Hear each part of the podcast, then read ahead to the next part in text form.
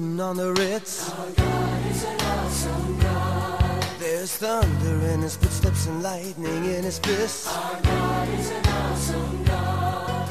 And the Lord wasn't joking when he kicked him out of Eden. It wasn't for no reason that he shed his blood. His return is very close and so you better be believing That our God is an awesome God. God kvöld og velkommen til sendingina Ein farvetneslig fer i tjöknun Biblina. Og i studien er Jesu min Absalonsen, og jeg har etter kvöld Jekvann Zakariasen med meg. Jekvann, velkommen. Ja, takk for det. Og i kvöld skulle vi tfære at hos oss om.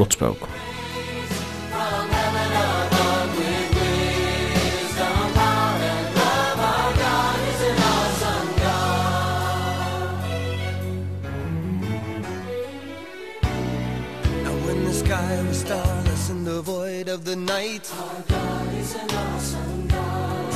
He spoke into the darkness and created the light. Our God is an awesome God. In judgment and wrath He poured out on Sodom. A mercy and grace He gave us at the cross. A hope that we have not too quickly forgotten That our God is an awesome God. Our God Rotsbøk er ein vøkur sjøva og til annars så døpru domaratøyin. Vi omtala i domaratøyina søgnast. Og i Rotsbøk vera politiske leier alls ikkje omtalair. Bókin er ein familjesøva som har mengan hatt stendur som en sterskere motsetninger til domaratøyina.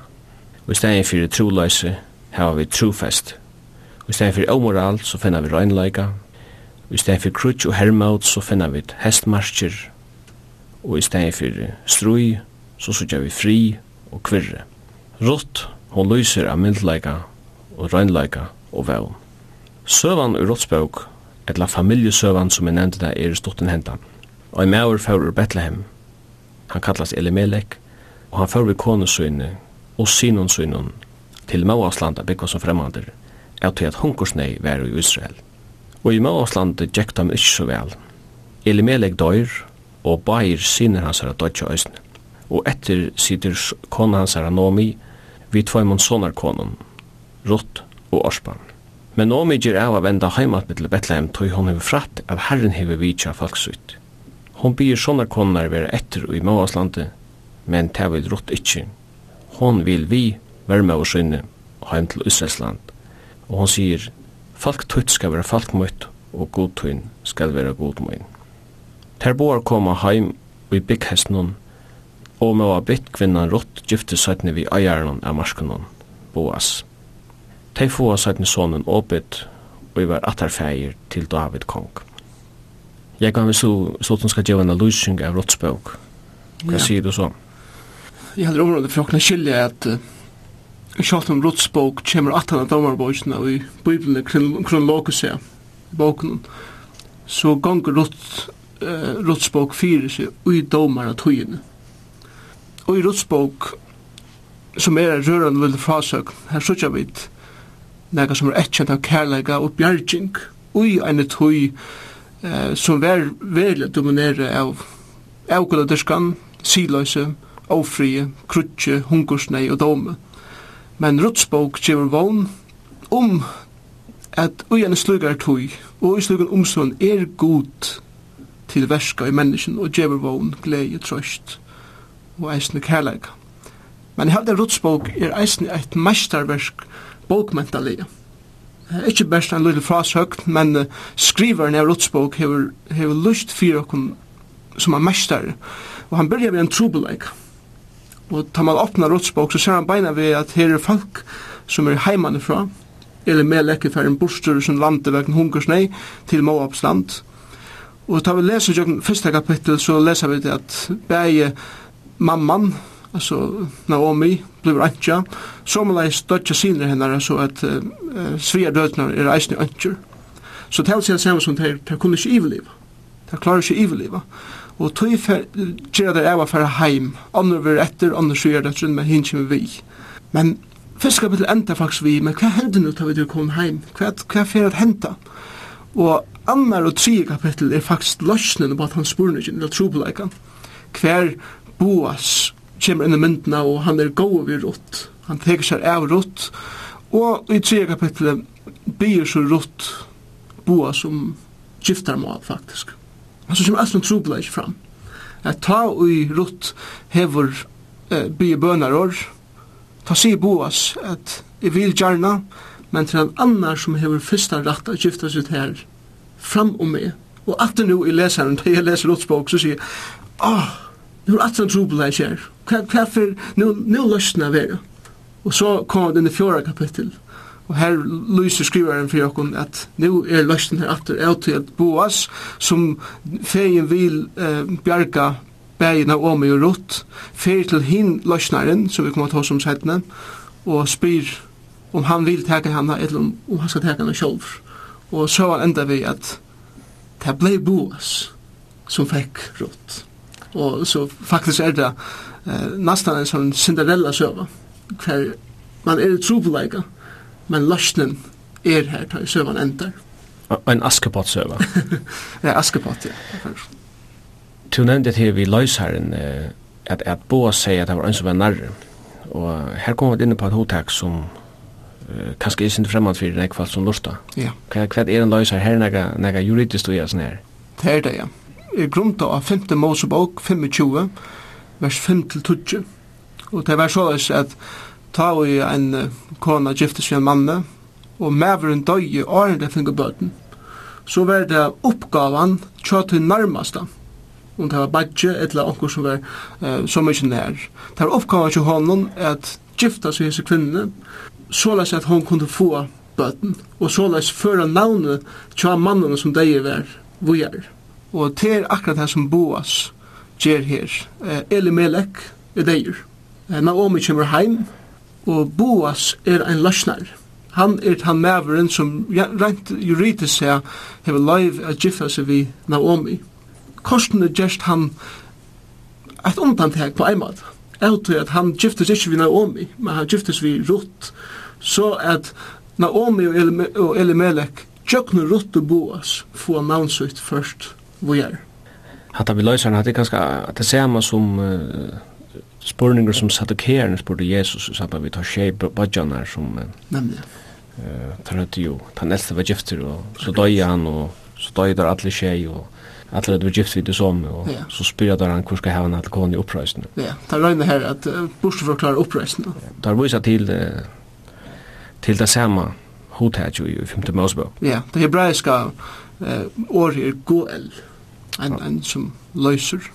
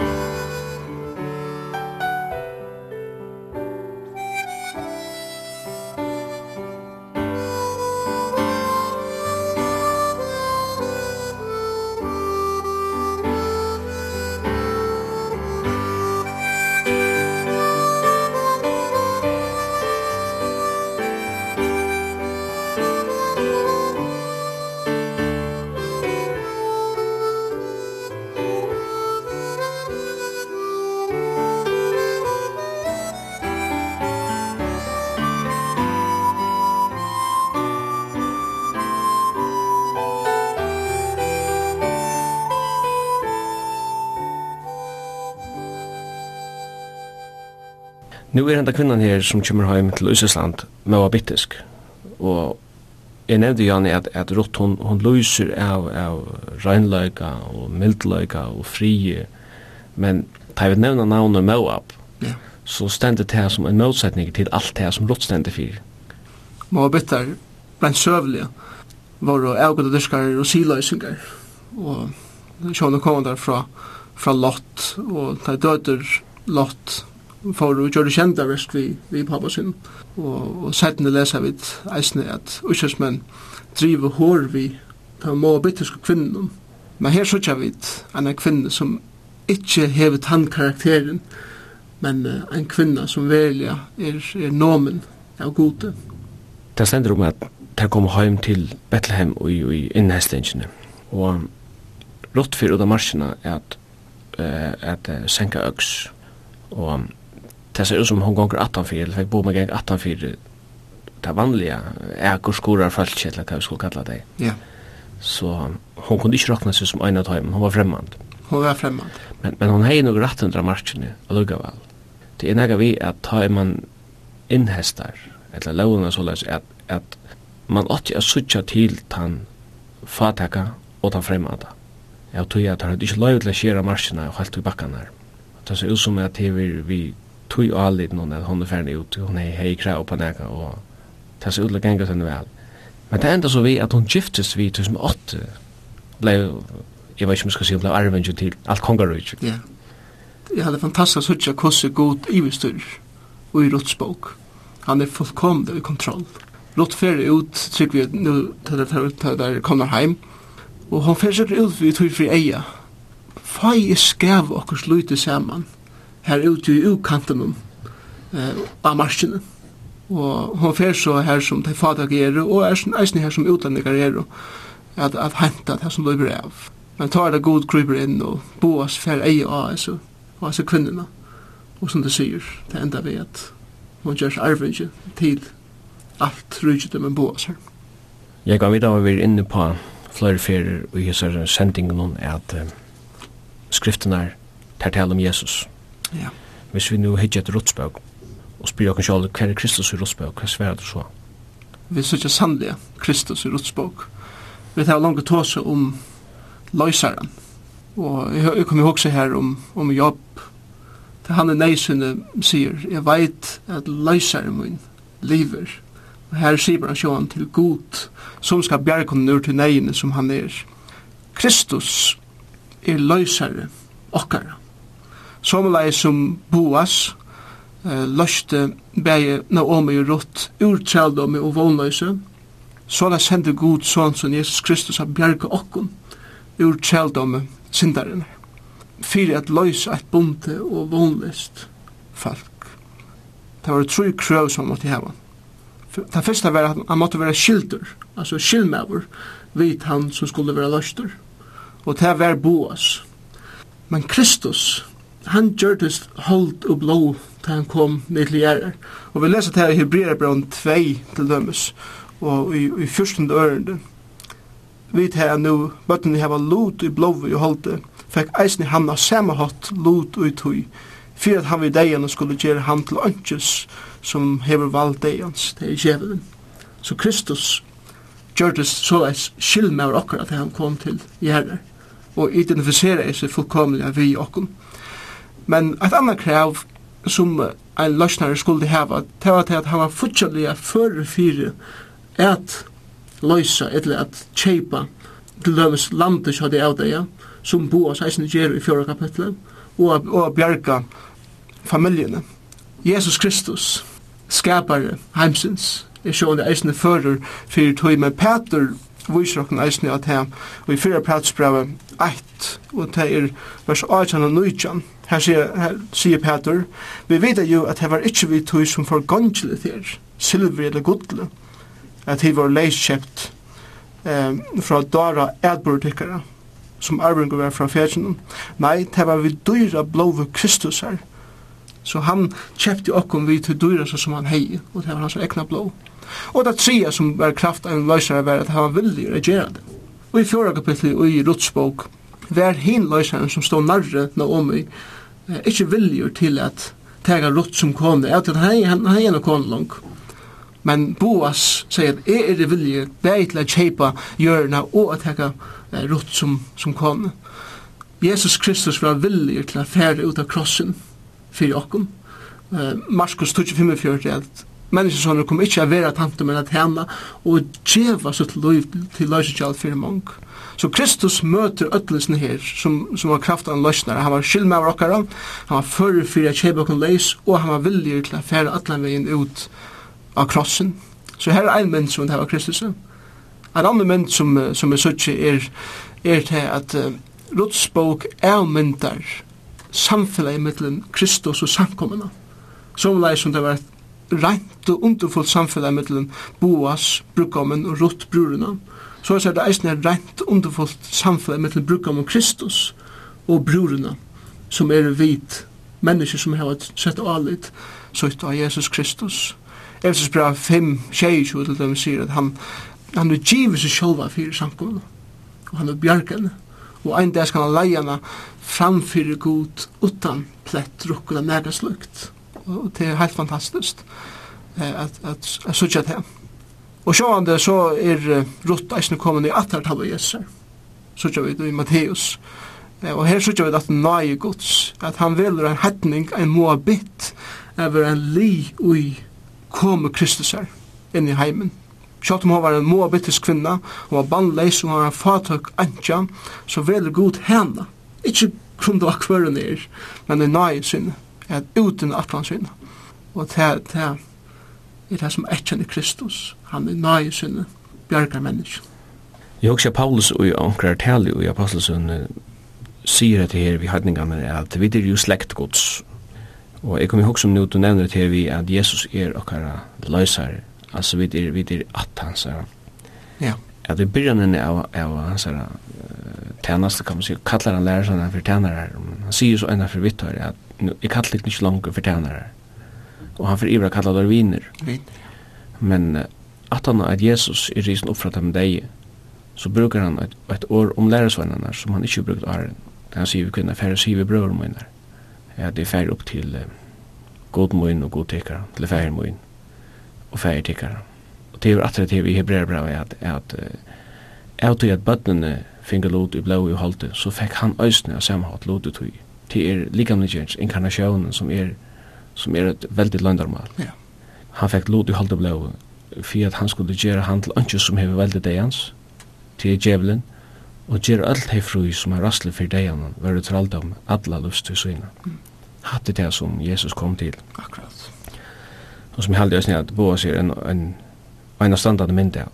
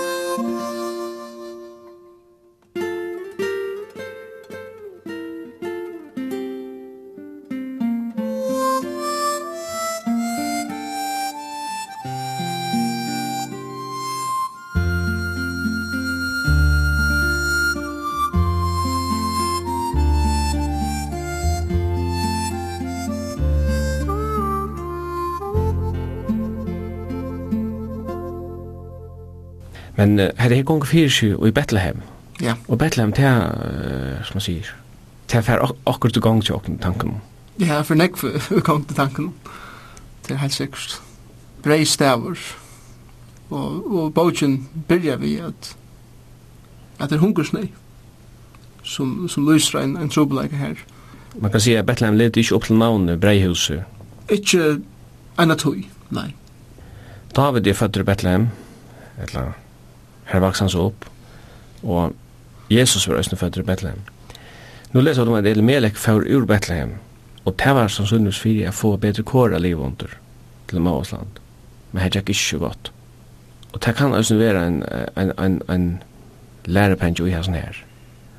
Men kan tidsis kanskje græse være grønnar i himmelen, men det er alt som det er alt, så er det iver omalt som vi skulle. Mm Og vi hadde til akkurat det som suttir her, at Gud hei utvalgt ein avvisan sted, beg til at hver til steg som David kongers var føtter, men særlig den kommande Messias, Jesus Kristus.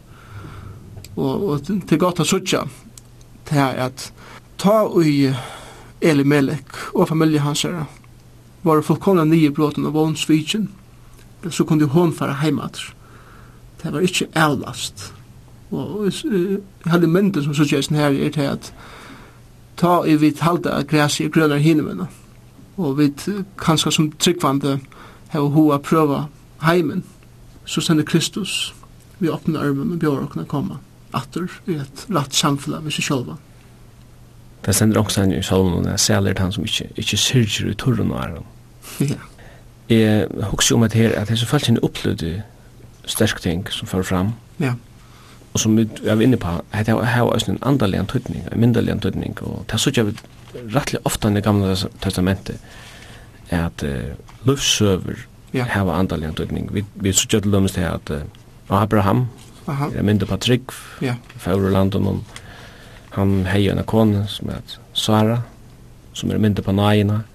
Han fikk uh, et baden, eller en son ved trelkvinne, Kjassar Hagar, ja Og da man leser første Mosebøk, så ser det ut som at det er bare søva, at det er bare en tilbord.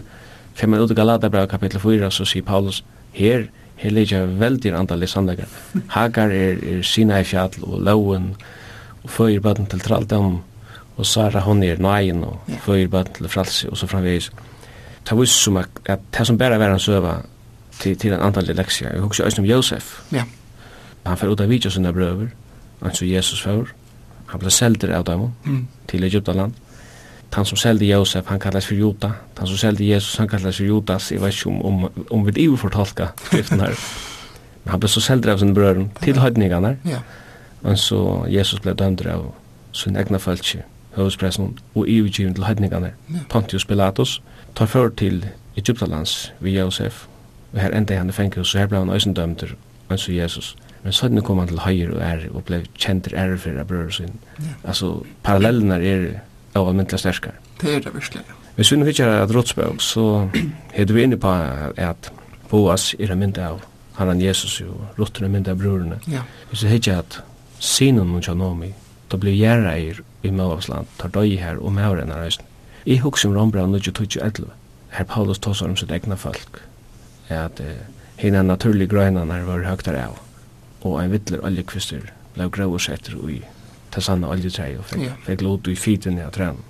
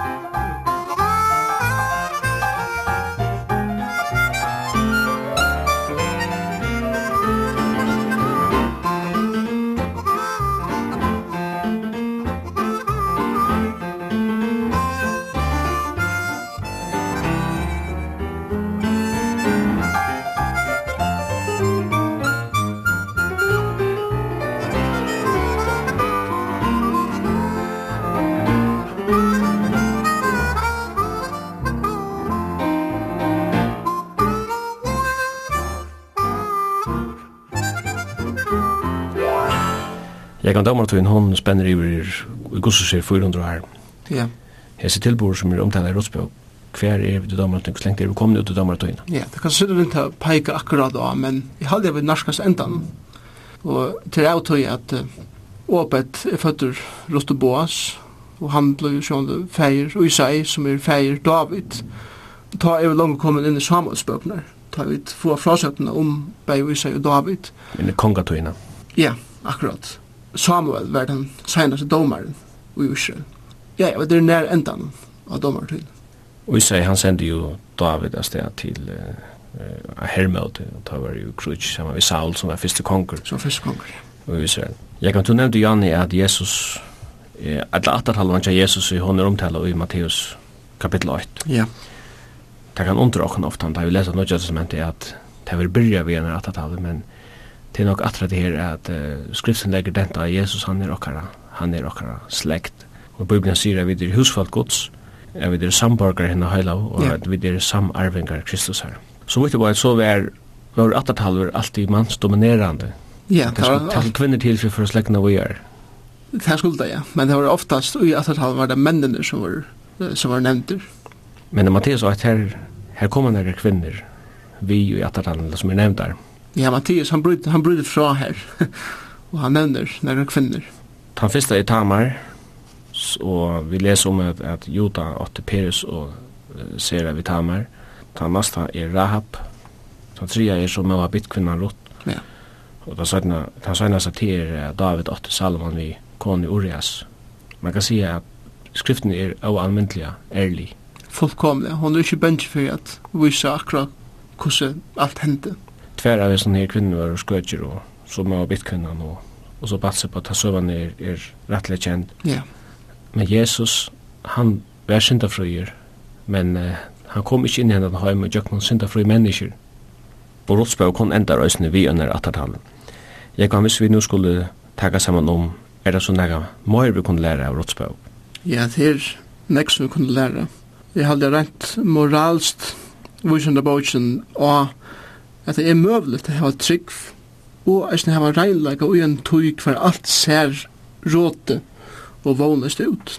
Og det sutja vi demonstrera i rått og i boase at det er trygg og god og det um, utstråla og en framurskerande moralskan lusått. Det er nekka som vi verda kunne læra av det og en samfunn som kanska av mengan hatt er fotlemoral moralst her kunne vi stanna fram, ikkje jokken sjolvun, men vi tryggva god, som han som kan djeva hun en karakter som etkjennest av reinleika, heldur enn tog som skite, og av trygg, heldur enn en vantrygg. Så det er en sannleik som, som vi lærer. Um, et annars som vi lærer er at god brukar menneske som tryggva han, at, uh, og eisen som letja seg etter, er vel sikning fyrir ånder. Boas var en veldig sikning fyrir rått tog at han var brukt av gode. Og god sikna i teg fire teg. Og jeg tykker at i det visse tryggvande mennesker i fyrjun, veldig yngst, ikke er vera brukt av gode, så skal god bruka konan hatt. Så vi har aldri drømt om eh, i, i okkara, i okkara samfunnet. Nå, omstående er ikke hver er eller hver er ikke er til trygg som er avgjør det. Boas var en rykemever som levde i en fallon, moralskon og andalien turron samfella, men han var ikke avvarskar av ötlen hesen. Somleis var rått akkurat det øvet her Boas, hun var fatak og vonleis, men hon utstråla i samme karakter som Boas kjørte. Trygg, det var von, det var kærleik, og det var reinleik, og det var trygg hennar som eisne gjør det her. God løyser mennesker, Og det er så omegelig området for fram i disse bok, er god løyser mennesker enn det. Men, mennesker som er bunden i sint, mennesker, mennesker som er bunden i alkohol, og i, i baktalan, og i omorale, og i materialisme, og i öllum øren som binder okkar samfunnet det. God er fyrir for å komme inn, og i Jesus Kristus inn og i tøyt løy som lustar i kvalt, og til trust av ham og han kan sette det fullkomliga fruan og gjeva til et evigt og et ærligt og et godt liv som vi ser. Og vi har sånn åren så færre vi at takka fyrir okken i kveld og jeg færre takka Jekvann fyrir at han ville komme i studiet etter i kvöld. Takk fyrir.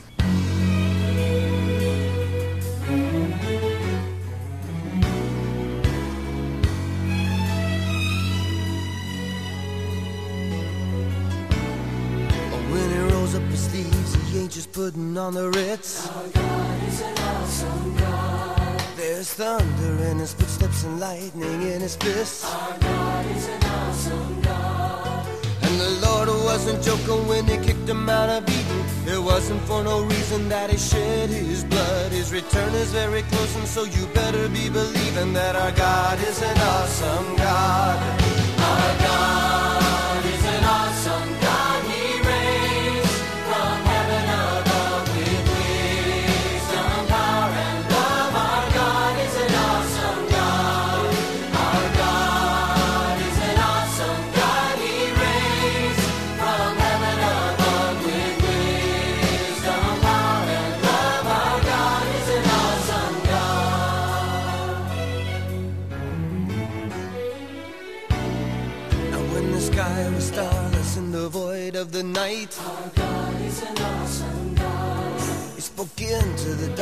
and created the light. Our God is an awesome God Judgment and wrath he poured out on Sodom. A mercy and grace he gave us at the cross.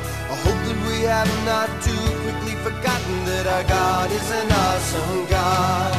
Our God